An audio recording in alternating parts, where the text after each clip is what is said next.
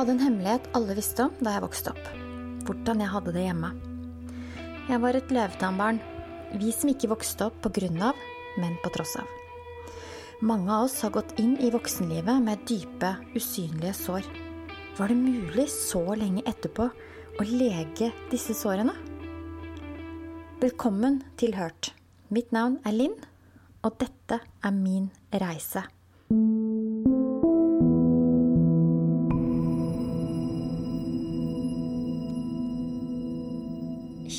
Kjære deg som hører på. Det er helt utrolig at du ennå er med meg. Tusen hjertelig takk for det. Det betyr mye mer for meg enn det jeg kan uttrykke i ord. Det er også helt utrolig at eh, Dick, den indre kritikeren jeg har, ikke har stansa meg ennå. Kanskje han venter til jeg skal publisere podkastene og bare sletter alle i en fei? Det går faktisk litt lettere nå å snakke om hvordan en tøff oppvekst preger deg videre i livet. Det har faktisk allerede gått et halvt år siden jeg begynte denne reisen. Det er som om de første puslespillbrikkene sakte, men sikkert begynner å falle på plass. Først i en alder av 44 år begynner jeg å forstå hvordan oppveksten min som løvetannbarn har prega meg. Hva det har gjort med meg, og hvorfor jeg tenker, føler og reagerer som jeg gjør. Jeg har fått et gløtt inn i behandlingens verden og har tatt det første vanskelige steget på reisen med å gjøre forsvarsstrategiene mine mindre. Jeg er litt som en sånn pliktoppfyllende student med eksamen om ett år. Det er det som er ventetida for å reise opp til Modum Bad og sjekke inn på to måneders behandlingsopplegg. Jeg er derfor ganske så uforberedt når telefonen ringer i midten av april. Det er fra Modum Bad. Jeg synes jo det er litt rart. Vi er tross alt i midten av april 2020. Og vi har allerede vent oss til hjemmeskole og et samfunn hvor det meste er stengt. Var ikke de også lukka pga. korona? Å ja. Så noen har trukket seg. Og nå lurer dere på om jeg har lyst til å ta den plassen? Opplegget starter allerede om et par uker.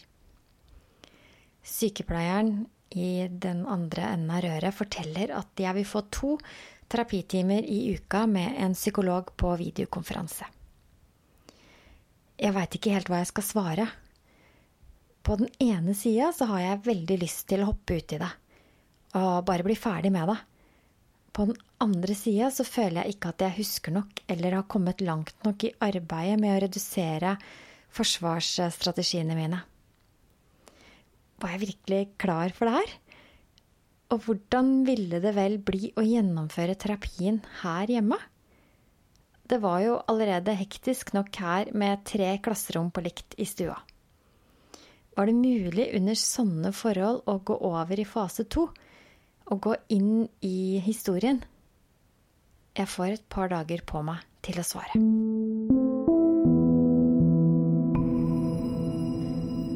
Som vanlig når jeg trenger å ta en avgjørelse, så stikker jeg ut. Løper, eller som nå, går tur med en venninne.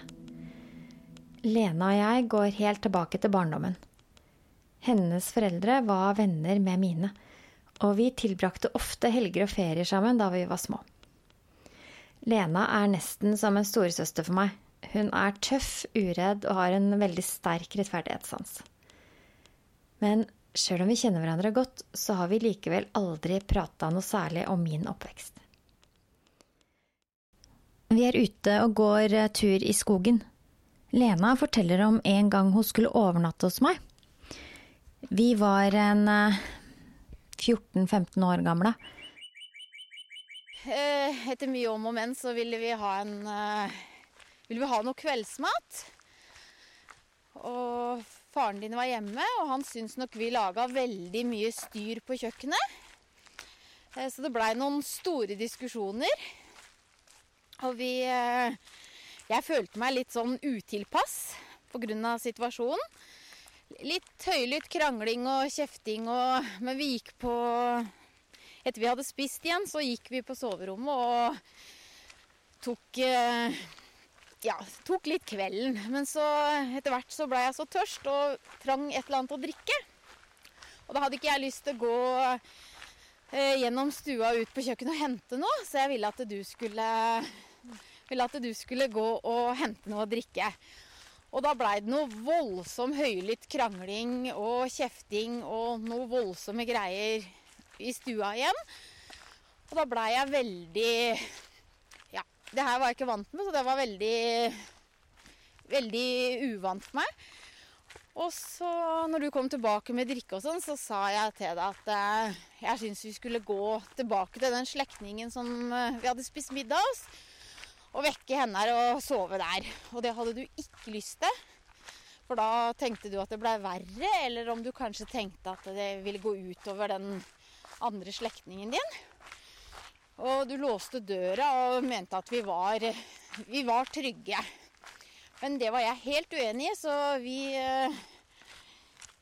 Vi måtte gå til slektningen din. Når jeg kommer hjem, så lurer jeg på hvordan var det mulig å glemme det her? Det virka jo som om Lena snakka om en helt annen person. Jeg huska ingenting av det hun sa. Unngåelsesstrategiene kunne være så sterke at minner faktisk kunne bli undertrykte så grundig at det til slutt bare forsvant dypt inn i hjernen.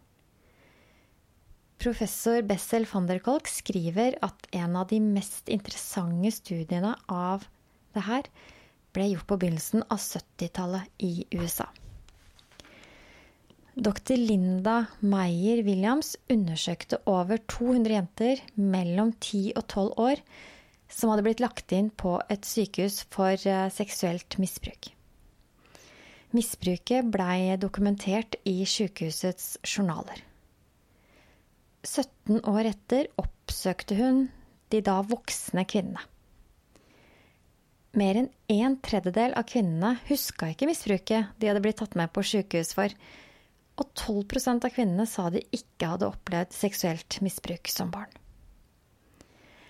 Det var et bevis på hvor godt hjernen kunne gjemme bort de mest skrekkeligste opplevelser. Hvordan var det egentlig mulig?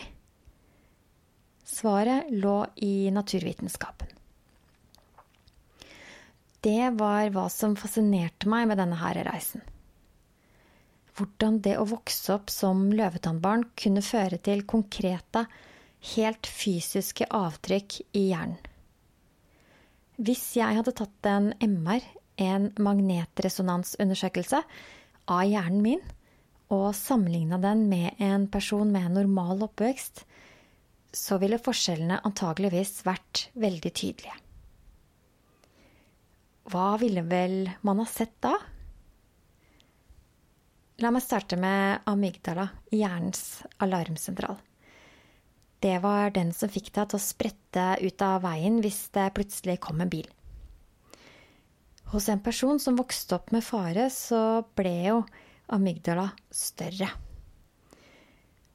Og hvis den hos en gjennomsnittlig person var en telefon på brannstasjonen, så føltes det litt som om eh, min amygdala var som en gigantisk døgnbemanna AMK-sentral. Det var jo Det var også forskjeller i den eh, prefrontale korteksen, eller tenkesenteret i hjernen, som ligger nær toppen av hodet bak panna. Den er ansvarlig for sånt som rasjonell tenking, personlighet og planlegging. Ved siden av ligger det området i hjernen som regulerer følelser. Begge disse tenke- og følelsesområdene i hjernen var ofte underaktiverte hos oss med en røff oppvekst. I en artikkel i Psychology Today står det at en traumatisert hjerne ofte er bunntung og med det så menes at det er voldsomme opplevelser.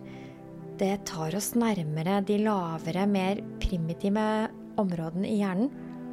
hvor det å overleve ofte er eneste fokus. Men hvor kom minnelagring inn i det her? Hadde en hjerne som var konstant på vakt, overskudd til lagring av hendelser? Og hvor kunne jeg i så fall finne dem? Hvor godt du husker, det bestemmes av hippocampus. Det var gresk hippo for hest og campus for monster, bedre kjent som sjøhest. Og det var en 3-4 cm lang pølse som lå i tinninglappen. For en som vokser opp da med overveldende, reddsomme hendelser, så, så reagerer hjernen sjøhest med å krympe. Slik jeg har forstått det, var det fra hippocampus man hentet fram vanlige minner. De blei kalt for eksplisitte minner fordi vi sjøl kan kontrollere hva det er vi minnes. Og det vi husker, det har en klar plassering i tid og rom. Og så har vi traumeminner, da. Traumeminner, dem er helt forskjellige. De er ufrivillige, påtrengende og vanskelige å avslutte. De kan ha en uklar plassering i tid og rom, og en kan bli usikker på om de faktisk er virkelige. En blir på en måte dratt tilbake til det som skjedde den gangen, og det blir vanskelig å være til stede her og nå. Mange beskriver at de kan kjenne sterke lukter, se bilder, høre lyder eller få andre kroppslige fornemmelser. Fordi de var altfor overveldende for eh, tenkehjernen til å bearbeide, så lagres traumeminner utafor den vanlige bevissthetsstrømmen. Sånn at eh, slik jeg forstår det, så kan man kanskje sammenligne litt med radio. Hvis vanlige minner var radio på FM-nettet, så lå traumeminnene på det gamle AM-nettet. Å få tilgang til eh, disse, det var litt som å prøve å få inn Radio Luxembourg. Og stille radioen inn på 208 på mellombølgebåndet og håpe at de atmosfæriske forholdene var så gode at man klarte å høre en hel sang. Men hvordan skulle jeg vel klare det? Jeg ønska jo å huske episoder som den Lena snakka om. Jeg ville til og med erindre enda verre historier, i håp om at det å få dem opp fra AM til FM-båndet på et vis ville gjøre det mulig å jobbe med. At de i stedet for å være flyktige skygger i hjernen min, skygger som kom til meg om nettene, skulle bli noe håndfast, minner jeg kunne snakke om slik som det Lena gjorde, og med det ufarliggjøre dem. Jeg googler skummer gjennom ulike forskningsartikler. Leser at for å få tilgang må hjernen være i den samme akutte alarmtilstand som da traumene hendte. Jeg må være like redd som jeg var da minnene hendte for å tune inn på avnettet. Dick er der med en gang. Det er enkelt, din. Kan du ikke bare få noen til å grisebanke deg, ja? Legge hendene rundt halsen din og klemme til? Jeg synker sammen. Les videre om eh, dyreforsøk hvor stakkars mus har blitt gitt eh, ulike stimuli som får hjernen i lignende tilstand. Jeg leser videre at det har vært prøvd eh, med både LSD og ecstasy på mennesker. Seriøst, var det greia? Jeg finner frem boka av professor Bessel van der Kolk, en av nestorene i traumeforskning, og han vier faktisk et par sider til temaet Drugs to Safely Access Trauma i boka si. Han viser til en undersøkelse hvor folk med PTSD fikk psykoterapi mens de var høye på ecstasy. Over 80 av deltakerne ble regna som kurerte etter den behandlinga. Det, det høres ganske heftig og vilt ut. Dick ler. Hva er planen din? Linn? å møte opp hos den pensjonerte overlegen, høy på ecstasy og hive deg inn i armene hans? Var det ingen litt mer normale måter å få tilgang til traumeminner på? Jeg blar videre i boka til van der Kolk og stanser på en side. Leser. Det ser ut det finnes andre måter. En måte som både er lovlig, trygg og ikke minst akseptert av det offentlige. Og det beste er at jeg har tilgang til det her hvor jeg bor. Jeg står foran inngangsdøra. Jeg har aldri vært på et eh, distriktspsykiatrisk senter før. De 75 psykiatriske sentrene var grunnsteinen i andrelinjetjenesten i landet og behandla tusenvis av pasienter i året. Nå var jeg en av dem.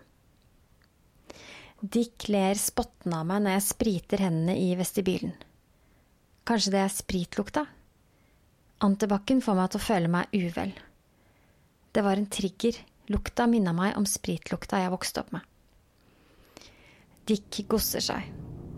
Faren din har rett, veit du. Du kommer aldri til å bli noe her i livet. Jeg kaster et siste blikk ut døra.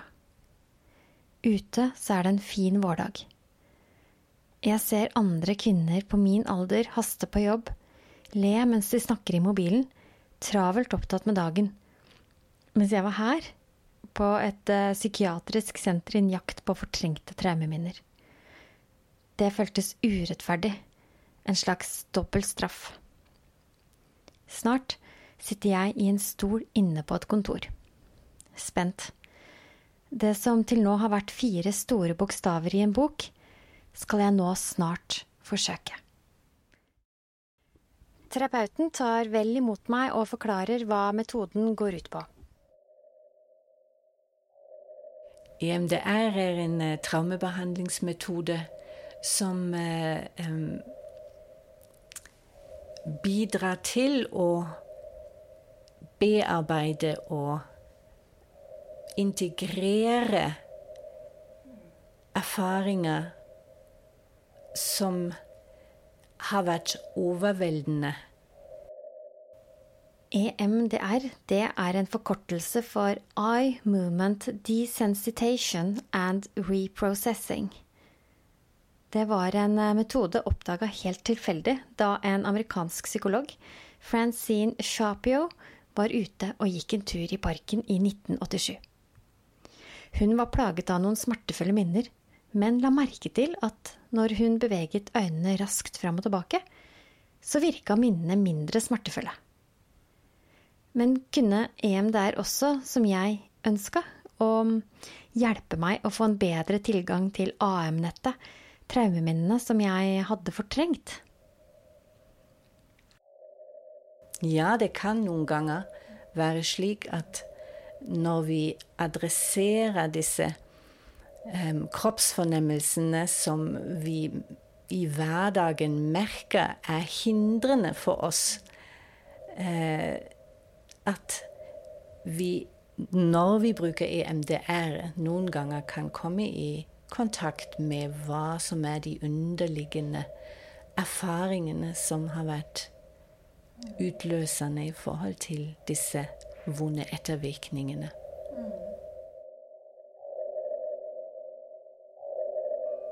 Miriam skrur på et apparat. Jeg skal følge et uh, lysmønster der det løper fra side til side, samtidig som jeg holder to små høyttalere i hendene. De summer i håndflatene. Jeg får beskjed om å tenke på en voldsom hendelse fra oppveksten. Jeg prøver å fokusere på en gang jeg ble dratt opp en trapp etter håret. Det er vanskelig å gjøre samtidig som jeg skal følge med på lyset. Det er som om hjernen min har problemer med å gjøre begge deler. Det gjør meg litt redd. Jeg har, eh, jeg har ofte følt at det var noe litt feil med hjernen min. At den ikke fungerte helt slik den skulle gjøre. Hodet mitt hadde blitt utsatt for gjentatte slag og sammenstøt da jeg vokste opp. Særlig i tenårene, tida hvor hjernen gjennomgikk de største endringene, så gikk det hardt utover hodet. Og Jeg tenkte ofte at det måtte jo ha gått noen sikringer, ikke sant? Det jeg skamma meg mest over, var eh, imidlertid alle de gangene hvor jeg hadde besvimt fordi lufttilgangen blei blokkert. Jeg visste at hjernen kunne ta alvorlig skade av oksygenmangel. Jeg prøver febrilsk å følge lyset der det løper fra side til side på apparatet. Men hjernen, den virker fullstendig lamma. Var det en hjerneskade jeg følte?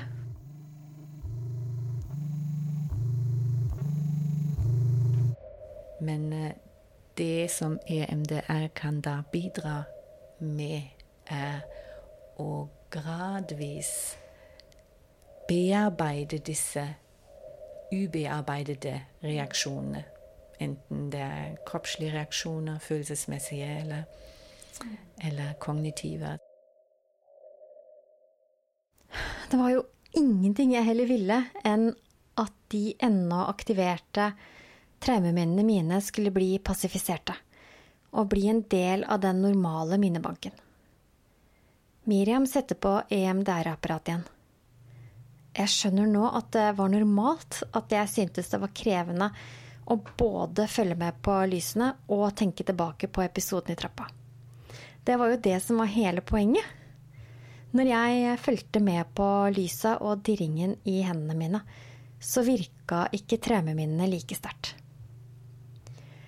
Og det går plutselig opp for meg at jeg har misforstått alt. For jeg, jeg hadde jo trodd at EMDR-terapi skulle gjøre minnene enda tydeligere, enda klarere. Men så, så, var det jo på en måte motsatt. For eh, de tok jo på en måte brodden av hvordan jeg reagerte på minnene. Jeg kunne godt forstå at det her var en eh, god behandling for dem som hadde opplevd en nylig voldsom hendelse som ennå opplevdes skremmende å snakke om. Men var EMDR rett for meg, som slet med å få en følelsesmessig kontakt med det jeg hadde vært utsatt for? Miriam begynner å snakke om overlevelsesmekanismene man utvikler som løvetannbarn. Så disse, disse um, automatiske overlevelsesstrategiene de er helt hensiktsmessige for å hjelpe oss å eh, kunne komme gjennom overveldende hendelser.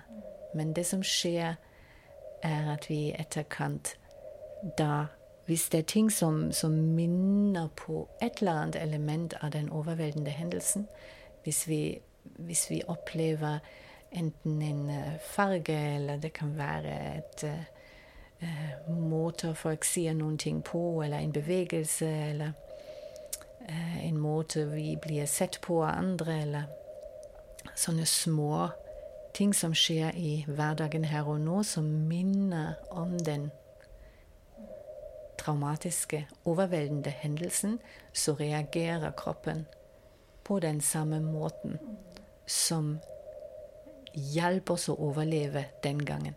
Og det oppleves som om den overveldende hendelsen skjer her og nå. Det er noe jeg kjenner meg igjen i, de voldsomme emosjonelle flashbackene. De var nesten umulige å forutse og skylte over meg som en tsunami fra oppveksten. Kanskje ikke EMDR var akkurat hva jeg hadde sett for meg når det kom til på magisk vis å huske mer. Men det Miriam forteller om eh, de emosjonelle flashbackene, det er noe jeg kjenner meg godt igjen i. Et øyeblikk så er jeg litt skuffa. Jeg følte veldig på at fordi jeg ikke huska alt, så gjorde det meg mindre troverdig. For det, det, var jo sånn folk sa, ikke sant, når de ikke ville fortelle sannheten. Jeg husker ikke. Og jeg følte at det kasta et skjær av mistenksomhet over, over deler av oppveksten min. Jeg, jeg begynner sakte, men sikkert å forsone meg med at en rekke opplevelser vil jeg nok antageligvis kanskje aldri få tilgang til annet enn i søvne. Men hvis EMDR kunne hjelpe meg å redusere de emosjonelle flashbackene, så var det noe jeg absolutt ønska å fortsette å jobbe med. Jeg avtaler en ny time med Miriam.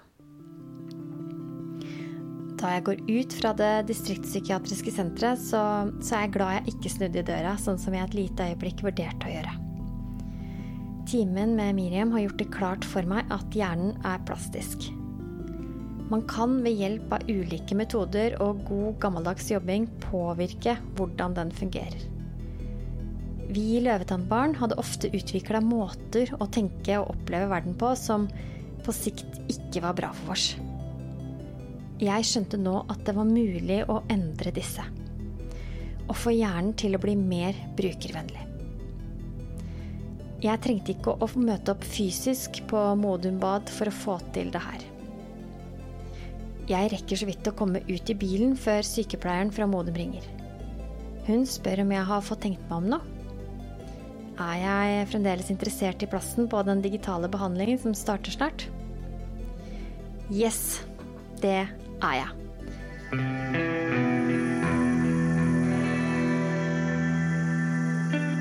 Neste episode av Hørt. Endelig er jeg i gang.